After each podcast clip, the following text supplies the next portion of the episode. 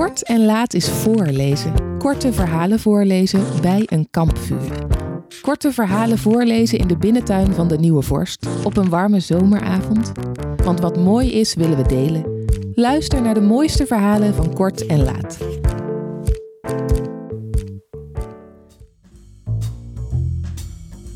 Dit is de negende aflevering van onze Kort en Laat podcast. Voor het vierde jaar lezen we korte verhalen aan elkaar voor in de binnentuin van de Nieuwe Vorst. En een nieuwigheidje dit jaar zijn de lokale schrijvers die we hebben uitgenodigd om verhalen van elkaar voor te lezen. Vandaag is dat Lucas de Waard die een verhaal zal lezen van Eliane van Elderen. Ik kies eigenlijk gewoon uh, als uh, opening van deze avond voor een, um, uh, weer een prachtig verhaal van Edgar Kret. Het is het laatste verhaal uit de bundel Mijn konijn van vaders kant. En het verhaal heet Evolutie van een afscheid. In het begin waren we een cel. Daarna een amoebe en toen een vis. En na heel lang, heel frustrerend tijdperk veranderden we in een hagedis. In dat tijdperk, zo herinneren we ons, was de aarde zacht en onstabiel onder onze poten. Dus klommen we een boom in. Daar boven, in de boomtop, voelden we ons veilig. In een zeker stadium klommen we weer naar beneden en begonnen we rechtop te lopen en te praten. En zodra we begonnen te praten, konden we gewoon niet meer ophouden. Daarna keken we veel tv, dat was een geweldig tijdperk. We lachten wat af, meestal op de verkeerde momenten. Mensen keken en zeiden: Wat is er zo grappig?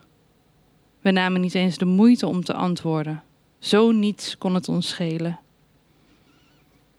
We zwoeren onszelf dat we werk zouden zoeken dat we leuk zouden vinden. En toen zulk werk niet te krijgen bleek, namen we genoegen met werk dat we niet vreselijk vonden en voelden we ons geluksvogels. Daarna pechvogels, vervolgens weer geluksvogels. En ineens lagen onze ouders op sterven. Daarna gingen ze dood. Een seconde voordat ze heen gingen, pakten we heel stevig hun hand vast en zeiden tegen ze dat we hun alles vergaven. Maar dan ook helemaal alles. Onze stem brak toen we dat zeiden, want we waren er nog niet zeker van of we de waarheid spraken en we waren bang dat ze dat zouden aanvoelen. Nog geen jaar later kregen we een kind en ook dat klom een boom in en voelde zich veilig in de boomtop. En ook dat klom in een zeker stadium naar beneden en ging naar de universiteit. Toen bleven we alleen achter en begon het koud te worden. Weliswaar niet zoals ooit, lang geleden, toen we in grotten scholen en door de openingen zagen hoe dinosaurussen doodvroren, maar toch koud. En we gingen naar een theaterworkshop, want vrienden van ons hadden gezegd dat dat ons goed zou doen. We kregen daar improvisatieoefeningen. In een van die oefeningen vergiftigden we elkaar. In de volgende bedrogen we elkaar en daarna zei de docent, die Engels sprak met een zwaar, onduidelijk accent: En nu wisten jullie van partner. Plotseling, van het ene moment op het andere, bestonden we niet meer. Bestond alleen ik. En een nieuwe vrouw die mijn partner was, zei: Kom, laten we als oefening doen dat jij een baby bent en dat ik je baar de borst geef en bescherm tegen alle kwaad. Natuurlijk, waarom niet, zei ik. En net toen ze me had gebaard, me de borst had gegeven en me had beschermd tegen alle kwaad, was de tijd om en vroeg de docent met het rare accent of deze oefening oude herinneringen in ons boven had gehaald. Ik zei van niet, want ik wilde niet toegeven dat de oefening herinneringen had bovengehaald aan miljoenen jaren geleden, zelfs nog voordat de continenten uit elkaar begonnen te drijven. Daarna, thuis, kregen we om iets stoms de grootste ruzie sinds ons ontstaan. We schreeuwden, huilden en braken dingen. Dingen waarvan we een dag eerder, als jullie het ons hadden gevraagd, zouden hebben gezegd dat ze onbreekbaar waren. En toen pakten we onze spullen en stopten ze in een koffer. En wat er niet meer in paste, propten we in plastic supermarkttassen. Als daklozen sleepten we het allemaal met ons mee naar de woning van een vriend van ons, die heel rijk is en hij spreidde een verschoten laken uit over zijn dure bank in de woonkamer.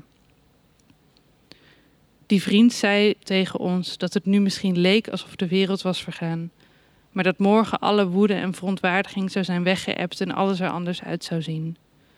Maar wij zeiden van niet, En dat er iets kapot was gegaan, aan gruzelementen was geslagen. Iets dat we nooit meer zouden kunnen helen of repareren. Daarop stak de vriend een lange, dunne sigaret op en zei: Oké, stel dat. Maar even los daarvan, zeg eens. Waarom praat je de hele tijd in het meervoud? En in plaats van te antwoorden, keek ik om me heen en zag ik dat ik helemaal, maar dan ook echt helemaal alleen was. Uh, Lucas de Waard, fantastisch auteur. Um, we lezen hem graag, we zien hem graag, we horen hem graag. En hij leest voor van Eliane van Elderen. Zo, uh, ik heb dit verhaal vanmiddag voor de eerste keer gelezen. Um, nu ga ik het uh, aan jullie voorlezen en ik ben benieuwd of het op jullie hetzelfde effect heeft als op mij. Het is van Eliane van Elderen, als ik het goed heb, uh, Right Now winnares van afgelopen jaar, toch? Ja. En de titel is Bedank zijn ouders na het afspreken. Over elf dagen vermoorden we Dirkje. Ik kijk Maarten aan. Zijn adem ruikt naar wasmiddel. De wind blaast een van zijn langere haarlokken van achter zijn oor naar zijn gezicht, waar deze op zijn vochtige lippen blijft plakken. Onze boomhut heeft geen ramen. In ons kasteel tocht het. We hebben geen keus, voegt hij eraan toe. Ik ga verhuizen en jij wil per se dat beest houden, maar ik ook, dus krijgt niemand hem. Ik knik instemmend en ga verder met het pulken aan mijn mandarijnenvlees. Maarten legt het vliesje van zijn warme melk op de vloerbedekking. In groep 3, toen Maarten hier net naast mij was komen wonen, kwamen wij regelmatig thuis met splinters in onze knieën, door de ongeschuurde planken in mijn boomhut die niet langer alleen van mij was. De vader van Maarten had ons toen de rol vloerbedekking gegeven die overbleef na de verhuizing. We hadden zelf de repen uit het zwarte naadvilt mogen knippen. Onze motoriek liet nog te wensen over en we eindigden met een gat in de vloerbedekking rechts achter in onze hut. Het duurde niet lang voor een plastic kooi met Dirkje dit gat zou bedekken. Eind november drukten Maarten en ik onze vette vingers tegelijk op het raam van de enige volwassen cavia in de dierenwinkel. Normale kinderen willen alleen de kleine, de jonge, de schattige. Wij wilden Dirkje. Een paar weken later was het Sinterklaas en hielden we Dirkje om de beurt en te lang op onze schoten. Met onze kleine handen probeerden we de zachte bol van witte, bruine en zwarte vlekjes gerust te stellen. Mijn moeder waste de volgende dag voor het eerst cavia-plas uit mijn spijkerbroek. In het hoekje waar we Dirkje af en toe laten rondlopen... zijn een paar vezels van het scheef geknipte naadvilt afgeknaagd. Met mijn rechterwijsvinger haal ik iets vochtigs uit mijn neus... en met mijn duim kneed ik het tot het zich bij elkaar plakt. Doelgericht schiet ik het troebele bolletje van mijn duim naar het raam. Ik mis. Vanmiddag na school ga ik in de supermarkt boterhamzakjes zoeken... die groot genoeg zijn voor Dirkje, zegt Maarten. We zitten op onze hurken. Zo zitten we ook altijd wanneer we naar de juf moeten luisteren tijdens gym. Maarten strekt zijn arm naar me uit en toont me de binnenkant van zijn hand. Als hij zijn vingers gespannen uitstrekt, ontstaat er een gleufje tussen zijn ring en middelvinger. Ik heb natuurlijk wel geld nodig voor zakjes. Ik til mijn billen op van mijn hakken, zodat mijn broek minder strak zit en mijn hand in mijn zak past. Mijn bovenbeen heeft de muntstukken opgewarmd. Maartens vingers sluiten zich onhandig, onhandig over het euromuntje heen. Ik zag de opbrengst van mijn rapport in zijn borstzakje verdwijnen en hij staat op. Tot vanmiddag, zegt hij met zijn ogen op de bovenste laddertreden gericht. Tot vanmiddag, zeg ik, wanneer hij, wanneer hij al zo ver is afgedaald dat ik zijn hoofd niet meer kan zien. Ik slik het slijm door dat ik in mijn mond heb verzameld. Dirkje piept zachtjes als ik over zijn rug veeg. Mijn vlakke hand is nog te jong om te leren buigen voor een ander. Met een kort geknars sluit ik het metalen deurtje van zijn kooi. Als ik de ladder afloop, hoor ik Dirkje zachtjes in het zaagsel nestelen. Om drie uur wacht ik op het fietspad bij de rotonde. Mijn fiets is te hoog om met mijn voeten bij de grond te kunnen, maar met mijn benen kan ik net de stoeprand naast het fietspad raken. Achter me hoor ik een herkenbare melodie van ratelende spaakkralen naderen. Ik maak alvast vaart om Maarten bij te kunnen houden zodra hij naast me is gearriveerd. Als hij in de winter na het avondeten terug naar huis fietste, zagen de kraaltjes eruit als lichtgevende vuurvliegjes die tussen zijn wielen verstrikt waren geraakt. Wanneer hij naast me fietst, wijst hij trots naar de plastic supermarkttasjes die hij aan zijn stuur heeft gehangen. De boterhamzakjes waren te klein voor Dirkje, dus ik heb een rol met de pedaalemmerzakken. Zijn ze wel doorzichtig, vraag ik. Maarten knikt alleen. Tot we bij mijn huis zijn, zijn zeggen we niets meer. Morgen ga ik met de auto. Mama brengt de tractaties voor mijn laatste dag op school. Wil je meerijden? Ik knik. Oké, tot morgen dan. Voor ik iets kan zeggen, zie ik alleen nog zijn rug en hoor ik het tikken van zijn spaakkraaltjes. Dirkje zit op mijn schoot. Als ik hem met mijn rechterhand aai, botst hij soms met zijn neusje tegen mijn linkerhand aan. Hij wil niet dat ik stop. Er zit iets geruststellends in de kleine botsinkjes. Met een ruk trekt Maarten een van de pedaalemmerzakken los van de rest. Hij likt aan zijn vingers, wrijft het plastic tegen elkaar om grip te krijgen. Na twee pogingen krijgt hij de zak open. Als we beide hetzelfde willen, krijgt niemand het, hadden we gezegd. Dat klonk makkelijker drie weken geleden, toen we de dagen nog niet aftelden. Ik had nog nooit een dier bewust vermoord op dat lieveheersbeestje met een vergrootglas na, maar dat was in groep 4.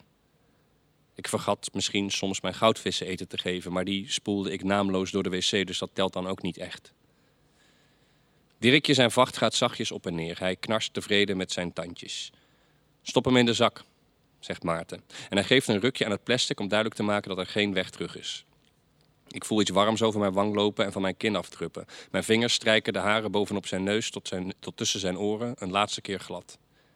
Met twee handen til ik hem op. Zijn vier voetjes bungelen in de lucht en hij bromt voldaan. Wanneer ik hem tot zo ver mogelijk achter in de plastic zak til, begint hij iets te vermoeden. Zijn nageltjes krassen over het plastic onder hem. Zodra ik mijn handen buiten de zak heb, maakt Maarten zelfverzekerd een knoop in het plastic op de manier waarop zijn moeder altijd boterhamzakjes dichtknoopt. Je kreeg de zakjes van zijn moeder alleen open door er een gat in te trekken. Niemand trekt een gat in de zak van Dirkje. De hoeveelheid zuurstof in de zak zou Dirkje nog te lang in leven houden. Maarten had, dit zijn, had zijn vader dit ook wel eens met ijsklontjes zien doen. Hij pakt de zak vast bij de knoop en de gewrichten in zijn knieën knakken wanneer hij overeind gaat staan. Door de zwaartekracht schommelt Dirkje onderin. Het plastic dempt zijn paniekerige gepiep amper. Maarten telt tot drie. Bij één zwaait hij de zak voor de eerste keer heen en weer. Twee. Dirkje slingert nu ongeveer tot de hoogte van Maartens heupen. Bij drie zwaait Maarten voor de laatste keer de zak nog iets hoger dan bij de tweede keer. Met een doffe klap slaat Dirkje tegen het ongeschuurde hout van de raamkozijnen van onze boomhut aan. Wanneer de zak terugdraalt naar het midden van het slingerpunt, ritselt er nog steeds iets. Er komt haperend gepiep uit. Maarten herhaalt alles. Hij telt nogmaals tot drie, slingert Dirkje tot zijn heuphoogte, daarna iets hoger en gooit de zak tegen de muur. Dit keer laat hij de zak vlak voor zijn hoogtepunt los om de zwaai extra kracht mee te geven. Met een plof landt de zak op de grond. Het hoopje haren knort en hapert en probeert weg te lopen met het plastic om hem heen. Maarten kijkt me aan. Ik denk dat we een nieuwe manier moeten verzinnen. Ik knik zachtjes. Dirkjes vacht was te dik om stuk te slaan op de muren. Maarten draagt wat er nog over is van Dirkje de ladder af... terwijl ik de ratelende spaakkraaltjes de schuur uitleid. Mijn handen schudden zachtjes aan het stuur van Maarten zijn fiets. De trillingen zijn een mengsel van zenuwen en schuldgevoel. Mijn handen trilden zelfs niet zo erg toen ik het na een week verkering uitmaakte met Lisa. Eigenlijk vijf dagen. In het weekend wilde ik haar niet zien en maandag in de klas moest ik wel. Of toen ik per ongeluk een stuk blauwe kei had opgegeten. Ik rijd de poort uit en achter me hoor ik de voetstappen van Maarten in hetzelfde ritme als het knisperen van de plastic zak. De kraaltjes stuiteren lichtjes omhoog wanneer ik de fiets de stoeprand af laat botsen. Dit keer moet jij het doen, zegt Maarten. Hij legt het plastic op het midden van de weg en gaat er zelf twee meter vanaf zitten, klaar om in te grijpen bij een eventuele ontsnappingspoging. De dikke wielen zijn niet helemaal opgepompt en zakken zachtjes in als ik op het zadel ga zitten. Door mijn trillende handen slingert het stuur enigszins heen en weer, maar niet ver genoeg om niet recht op Dirkje af te rollen. Ik meerder vaart, til mijn voeten op van de trappers en sluit mijn ogen wanneer ik dicht bij de pedaal en mijn zak kom. Onder mijn rubberen voorwiel breekt iets zachts. Wanneer het over de hobbel in het plastic rijdt, voel ik het ineenkrimpen. Mijn achterwiel gaat een stukje omhoog als het zakje voor de tweede keer geraakt wordt. Alsof ik over een kleine, niet goed opgepompte voetbal rijd. Wanneer mijn beide wielen weer op de weg rijden, rem ik af met mijn voeten. Niet ver daarna kom ik tot stilstand. Maarten en ik kijken naar het zakje, het ligt stil op straat. We zitten zwijgend op het stoeprandje voor Maartens huis. Zijn moeder slaat de voordeur dicht en doet hem op slot. Ze heeft de sleutelhangers, die anders altijd tegen elkaar aankletteren, al van de bos afgehaald. Zijn vader tilt een laatste doos de auto in. Kom Maarten, we moeten gaan. Hij staat op en pakt zijn fiets van me over. Zijn vader legt het in de achterbak. Door de enigszins geblindeerde ramen zie ik Maarten strak naar de achterkant van de hoofdsteun van de bestuurderstoel kijken. Is dat tasje van jullie? vraagt zijn moeder. Ze wijst naar de straat. Ik knik. Maarten kijkt nog steeds naar de hoofdsteun. Ruim dat zo even op, ja? En doe je ouders de groetjes en tot snel. Als alle autodeuren dicht zijn, rijden ze weg. Alleen zijn ouders zwaaien me vaarwel.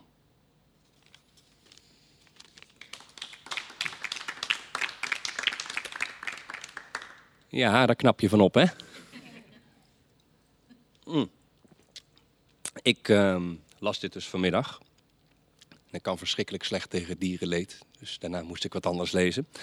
Ehm, en ik dacht, nou, dan ga ik dat ook voor jullie lezen. Want misschien uh, willen jullie ook opgevrolijkt worden. Of in elk geval iets lichtvoetigers dan alleen maar de moord op onschuldige cavia's. Uh, dus ik dacht, ik lees een sprookje voor van Godfried Bomans. Het is een kort sprookje. De dood van de sprookjesverteller. Er was eens een sprookjesverteller en die ging dood.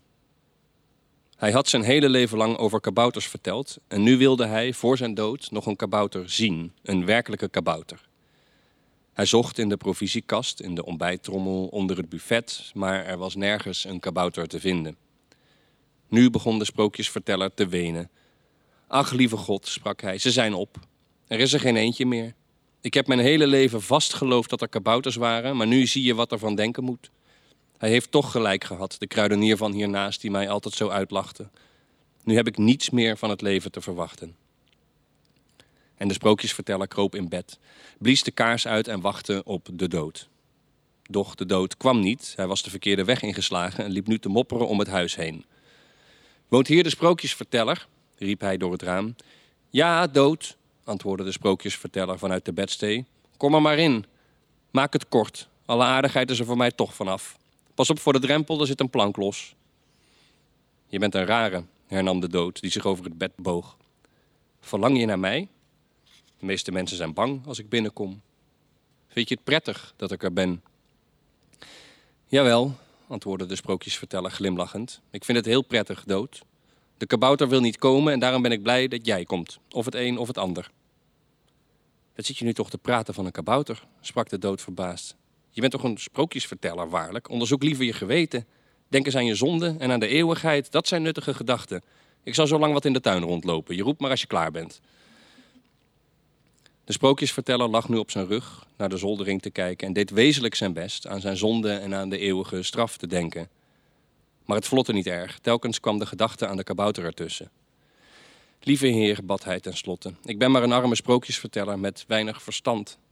Wees niet boos om die ene wens, die enige die ik heb. Laat mij toch een kabouter zien.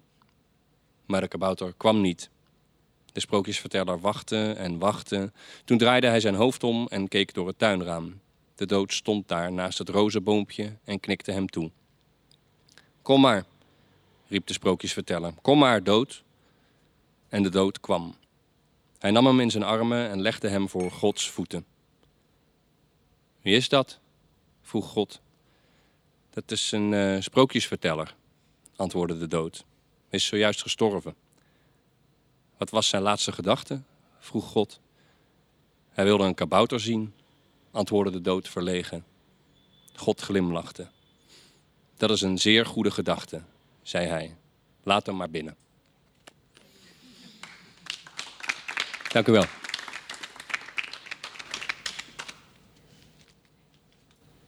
Ik ben Maartje. Ik ga een verhaal voorlezen uit Op Ruwe Planken. Wat een tijdschrift is uit Nijmegen voor ongepubliceerd talent. En daar staan me toch parels in, dus ik heb er al twee keer uit voorgelezen. Maar ik ga het gewoon nog een keer doen, want uh, meer moois staat erin. Deze heet Mengen van Konian Thomas. Het was hem dankzij een kaarten-app gelukt de boekwinkel te vinden. Want alles was hier groter, schreeuweriger en ook een beetje enger dan in Leipzig, vond Erhard Baumler, die nog nooit eerder in Amerika was geweest. De mensen paradeerden hier alsof het pauwen waren, pronkend en zelfingenomen. Zelfs de daklozen en junkies leken zonder schaamte hun brood bij elkaar te bedelen. Het was echt zoals in de films, had hij wel zes keer in zichzelf gefluisterd op weg naar hier. In de boekwinkel was het gek genoeg rustig, voor zover hij van buitenaf door de beslagen ramen kon zien. Vrij weinig van Bills fans wisten natuurlijk dat Bill tegenwoordig schrijver was. En als ze het wisten, waren ze misschien helemaal niet geïnteresseerd. De literaire wereld was er eentje van veel minder aanzien en het was hoog tijd dat iemand dat eens aan hem duidelijk zou maken. Erhard plukte een herfstblad van zijn schoenen en gooide het in de daarvoor bestemde prullenbak aan de overkant van de straat. Toen hij de boekwinkel binnenstapte, rinkelde er een belletje, precies zoals dat ook in de films gaat. Een medewerker glimlachte vriendelijk naar hem en dankzij de mensenmassa op de verhoging naast de kinderafdeling wist Erhard dat het al begonnen was. Hij ademde diep in. De zenuwen die hij voelde verrasten hem. Hij kwam hier enkel voor zaken. Toch was er een lichte spanning merkbaar, een soort trilling bij het idee dat ze elkaar na al die jaren nu eindelijk zouden gaan ontmoeten. Hij sloot niet aan achter in de rij, maar liep meteen naar de mevrouw in het casual mantelpak, die of een medewerker van de winkel moest zijn of in een bepaalde hoedanigheid met Bill, Billy Magnolia was verbonden. Goedemiddag, zei Erhard zonder zijn Duitse accent hoorbaar te willen maken. Erhard Baumler, u hebt wellicht van me gehoord. Ik heb u via de mail op de hoogte gebracht van een zakelijk voorstel dat ik heb voor meneer Magnolia. De vrouw, die hoogstwaarschijnlijk een assistente was, keek hem vragend aan en tikte wat op een tablet dat op haar linker onderarm rustte. Hm, ik ben niet op de hoogte van een afspraak, meneer Bauler, zei ze. Baumler, herhaalde Erhard en zuchtte opgelaten. De dame die op dat moment vooraan in de rij voor het signeren stond, lachte hysterisch en zowel Erhard als de assistente keek haar richting uit. Bill schoof met een plagende blik in zijn ogen het zojuist gesigneerde boek over de tafel naar voren. Hij is precies zoals in de film, dacht Erhard. Speels, brutaal, jong geblieben. De vrouw in het casual mantelpak schraapte haar keel en Erhard herpakte zichzelf. Ja, ik heb toch echt gemaild, zei hij. U heeft een afspraak gemaakt? Nee, dat niet. Erhard vouwde zijn handen in elkaar en de vrouw drukte haar boventanden op haar onderlip. U bent vrij om achteraan in de rij aan te sluiten. Ze begon weer op de tablet te tikken. Erhard deed wat hem gevraagd werd, want gedoe was niet nodig. Bill en hij waren immers collega's. De eerste blik die Bill op hem wierp toen hij eindelijk aan de beurt was, was een vragende. Erhard was inderdaad de enige man in de boekhandel op dat moment en zag er niet uit als een van die mannen die geïnteresseerd zouden zijn in de details van Bills persoonlijke leven die in de roman werden tentoongespreid. Ze hadden Bills boek in de markt gezet als een komische thriller in de stijl van James Bond. Maar tijdens interviews had Bill keer op keer weer nadruk gelegd op het autobiografische karakter van het verhaal. Want zowel Bill als zijn creatieve team wist dat hij het vooral moest hebben van zijn bekendheid als actieheld en hartedief. Lass es mich so ausdrucken. Wir kriegen die Bombe nicht aus dem Zug heraus. Also müssen wir wohl oder übel den Zug von der Menschenmenge wegbewegen, zei Erhard uitgelaten. En Bill pakte zonder blikken of blozen een boek van de stapel om hem vervolgens routineus op de eerste pagina te openen. Duitser dus, vroeg hij met een glimlach. Ik spreek geen Duits, ben ik bang. Billy Magnolia was ouder geworden, maar goed, dat was Erhard ook. Erhard was echter nooit gezegend met de looks van Bill Magnolia, wiens botstructuur, zelfs nu hij de 50 was gepasseerd, deed denken aan quarterbacks en onderbroekmodellen. Toen Erhard 40 werd, was hij zonder enig teken van afremmen snoeiharde aftakeling ingedoken en was alles wat hem voorheen nog bijval had opgeleverd op het gebied van uiterlijkheden gaan hangen, zakken, groeien of verdiepen. Als Bill van zoiets überhaupt al last zou hebben, dan had de botox dat leed weten te verzachten. Voor wie mag ik het boek signeren? vroeg hij vriendelijk. Uh, nee, zei Erhard, van zijn apropos gebracht door het falen van zijn introductie. Ik hoef geen boek, dank u wel. Hij opende de rits van de sporttas die om zijn schouders hing. Ik heb een voorstel voor u. Bill legde zijn pen neer en keek vragend naar de assistent in het casual mantelpak, die net zo vragend terugkeek, naar de tafel liep en Erhard zachtjes bij zijn schouders vastpakte. Sorry meneer, maar meneer Magnolia is hier alleen om te signeren. Voor andere zaken kunt u het management bereiken. Dat heb ik al gedaan en daarom ben ik hier, zei Erhard gehaast. De dames in de rij begonnen te smispelen en trokken oprecht beledigde blikken, alsof Erhard zojuist een heilige, heilig Azteeks opofferingsritueel had onderbroken. De assistente duwde dwingend in zijn rug, maar Erhard was hier niet helemaal voor niets naartoe gekomen. Ik ben u, riep hij een beetje te hard in de richting van de actieheld op leeftijd.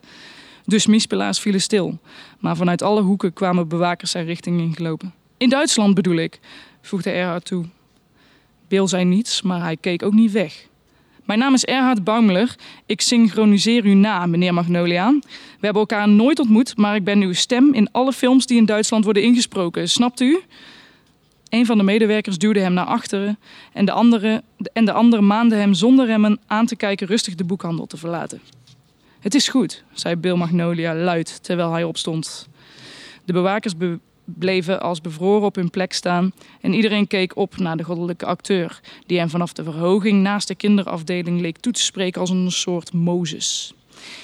Hij kwam achter de signeertafel vandaan, legde een hand op de schouder van de bewakers en keek Erhard amicaal aan. Ik zal zo na het signeren even luisteren naar uw voorstel, meneer Palmer, zei hij op de toon die Erhard als geen ander kende. Exact op die melodie die hij zo vaak had weten na te bootsen en met die lichte, bijna niet op te merken pauze in het midden van lange zinnen als deze. Erhard knikte en glimlachte breed naar een jaloers kijkende huisvrouw. Ik begon in 86 met Unhinged, die ons taalgebied der Koende wordt genoemd, zei Erhard. Hij knipperde gehaast met zijn ogen. Daarna de Brock Tyler films en natuurlijk alle delen Force Blunt. Hij legde zijn zweethanden op zijn beden. Het zachte herfstlicht scheen op de steeds grijzer wordende slapen van Bill Magnolia, die aandachtig luisterde. Ik kan me voorstellen dat het een heel ander soort vak is, na synchronisatie. Zeker, ja zeker. Erhard's stem trilde, maar dat wilde hij niet laten merken. Ik ben een multitasker, hè, zeg ik uh, altijd gekscherend. Je leeft je niet alleen in in het personage, maar moet ook letten op tijdcodes en intonatie. En niet te vergeten synchroniciteit. Dat het klopt op de bekjes. Bekjes. Bill glunderde terwijl hij een slok van zijn koffie nam. Toen leunde hij geamuseerd naar achter en legde zijn ene been over het andere. En je hebt al mijn films gedaan? Force Blunt 1 tot en met 5, The Hiker, Drive Interrupted, zelfs Dino Daddy en de Brock Tyler films. Bill lachte. Dino Daddy. Hij schudde zijn hoofd en groef wat met zijn pink in zijn rechteroor. Niet mijn beste werk. In de jaren 90 wilden we allemaal comedyacteurs zijn. Hij lachte hartelijk en Erhard lachte hartelijk mee. Ik niet, maar ik moest dus wel, zei hij. Even was het alsof ze broers waren die elkaar sinds hun jeugd niet meer hebben gezien. Zoveel tijd gemist en inmiddels zulke verschillende levens, maar nog steeds met elkaar verbonden. Als het aan de Duitsers lag, was Erhard Baumler Bill Magnolia. Zijn geoefende stem was onlosmakelijk verbonden met de gelaatstrekken van Bill. Soms vroeg Erhard zich af of er eigenlijk iemand was die Bills gezicht beter kende dan hij. Zijn twee huwelijken hadden allebei korter stand gehouden dan zijn filmcarrière en Erhard had meer Erhard had meer dan genoeg tijd gehad om zich dat gezicht eigen te maken in die kleine donkere opnamehokjes waar hij zijn dagen doorbracht. Hij kon uittekenen hoe Bills bovenlip opkrulde als hij lachte, hoe zijn nek strak trok als hij boos was. Ze hadden zo vaak op hetzelfde moment gesproken dat Bills gezicht voor Erhard soms voelde als dat van hemzelf. Alsof hij deels eigenaar was in een bizar soort rechterverdeling die alleen in de filmbusiness voorkwam. Bills successen waren de zijne en Bills beste werk had hem tot zijn beste werk gebracht. Het had uiteindelijk een bepaalde poëtische ironie dat Bills carrière switch het einde van Erhards carrière betekende. Je zal mijn kop inmiddels wel beu zijn, zei Bill met geknepen ogen terwijl hij het herfstlicht inkeek. Erhard kon het niet laten te gniffelen, want dat voelde als een compliment.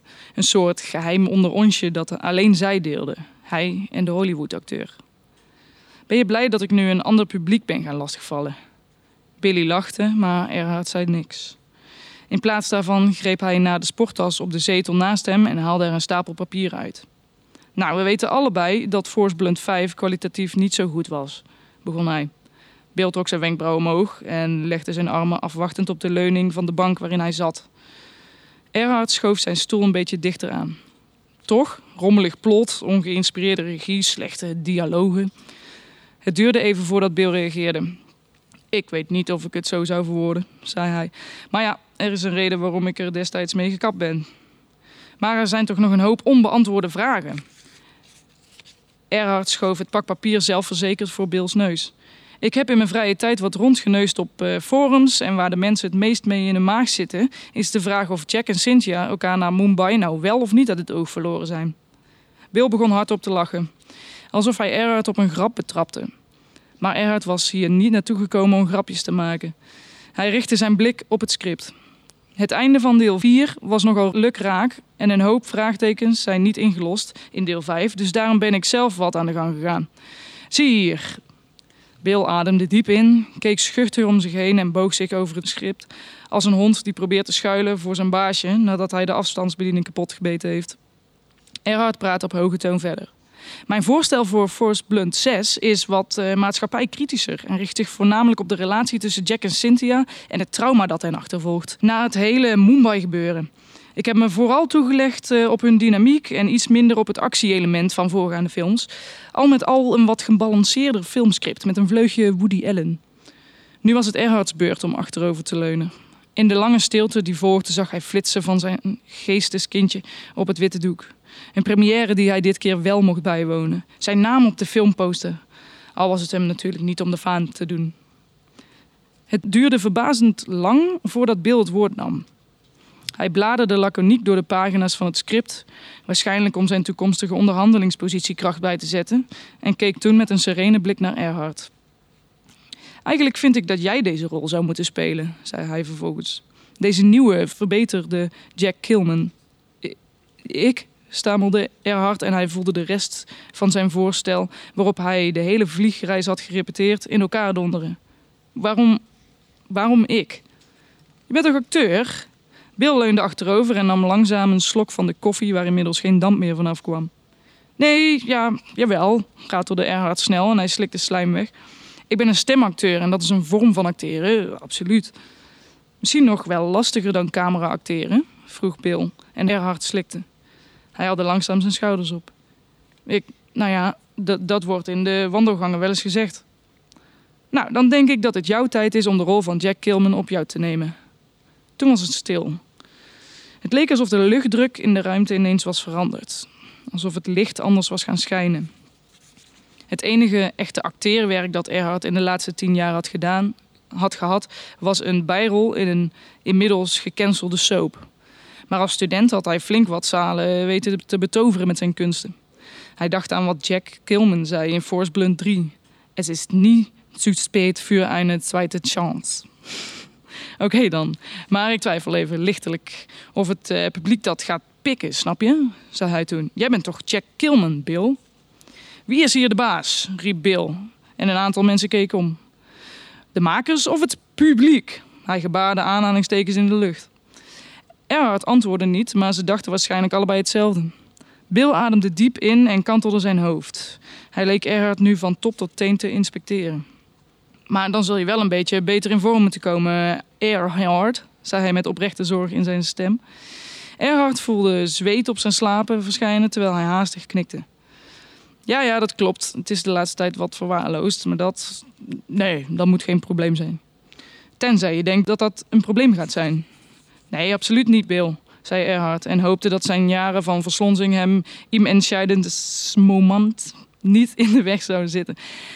Hij knipperde een aantal keer met zijn ogen. Oké, oké, ik geloof je, zei Bill en hij legde zijn hand op Erhards schouder. Het was vooral die hand die Erhard overhaalde. Hij had Bill altijd als een soort vriend gezien, alsof ze in hetzelfde schuitje zaten, het nou eenmaal met elkaar moesten doen. Hij was hierheen gekomen omdat hij zeker was van zijn voorstel. Maar ergens, ja, ergens had hij rekening gehouden met tegenwerking. Of misschien met falen. Het was de laatste jaren zo lastig geweest om werk te krijgen. Zo zwaar, zo vermoeiend. Hij was zo gewend geraakt aan hoge bergen waarvan hij de top amper haalde, dat deze kans, hoezeer hij die ook verdiend had, bijna wonderling leek. Toen keek hij naar Bill en kon hij zichzelf wel voor zijn kop slaan. Hij zat niet zomaar tegenover iemand. Hij zat tegenover Bill Magnolia, zijn complice, zijn partner in crime. Natuurlijk ging het zo, natuurlijk. Ja, hoe meer ik erover denk, hoe meer ik het ook wel voor me begin te zien, sprak Erhard kalm. Bill knikte, langzaam, als een ouder die zijn kind zelf tot inzicht wil laten komen. Als ik het kan, waarom jij dan niet, zei hij met een knipoog. En daarin had Bill gelijk. Erhard was een getraind acteur. Het fysieke verschil in hun werk was slechts een verschil in nuance. Achter een microfoon of op een brandende trein die een mensenmassa inrijdt. Acteren is acteren. Heb je een kaartje? vroeg Bill en hij zette de koffiekop na zijn laatste slok resoluut op tafel. Erhard rommelde wat in zijn sporttas, maar wist het antwoord natuurlijk al. Wat zou goed klinken? Allemaal op, zei hij uiteindelijk terwijl hij zijn schouders ophaalde. Bill lachte hartelijk. Natuurlijk, je hebt het uh, vast druk hier in L.A. Hij duwde Erhard plagerig tegen zijn schouder en Erhard gniffelde als een gevleid kind. Daarna schreef hij zijn telefoonnummer en huisadres op een servet. Ik ga je bellen, zei Bill. Maar nu moet ik gaan, want, uh, nou ja, je weet hoe die dingen gaan. Erhard lachte, want dat wist hij inderdaad. Ze stonden allebei op. Bill neuriede en stak zijn hand uit. Erhard schudde hem. Jij belt mij, hè? vroeg hij op een iets minder zekere toon dan hij had gewild. Absoluut, zei Bill en hij knikte vol vertrouwen. De deal was rond. Nu was het slechts een kwestie van afwachten. Op het vliegveld had Erhard geen behoefte om zich in te houden en kocht hij drie peperdure geurtjes en een zilveren armband, die vervolgens de verkoopster helemaal de laatste mode was, ook voor mannen van zijn leeftijd. Het eerste half jaar was het moeilijkst. Erhard had het al zijn vrienden en collega's verteld. Hij had opgeschept bij vreemden en hij had het terloops laten vallen wanneer hij kon. In de boost van zelfvertrouwen was hij weer aan het daten geslagen en had hij twee sportabonnementen aangeschaft: één voor Zumba-groepslessen en eentje voor een bootcamp.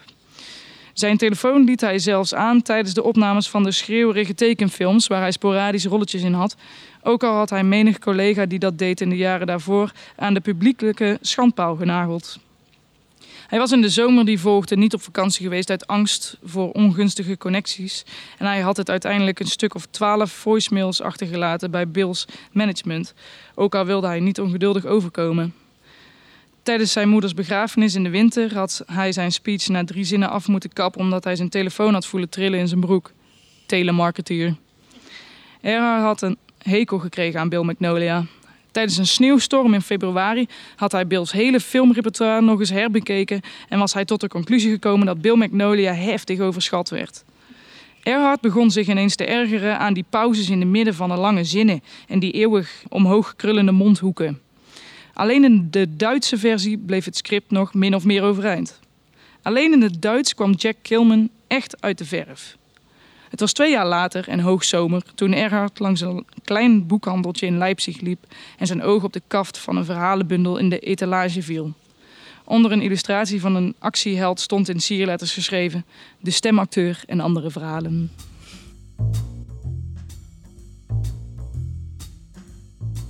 Dankjewel voor het luisteren naar Kort en Laat. We willen uitgeverij Podium, Meulenhof en literair tijdschrift Op Ruwe Planken bedanken. En natuurlijk Lucas de Waard en de andere lezers.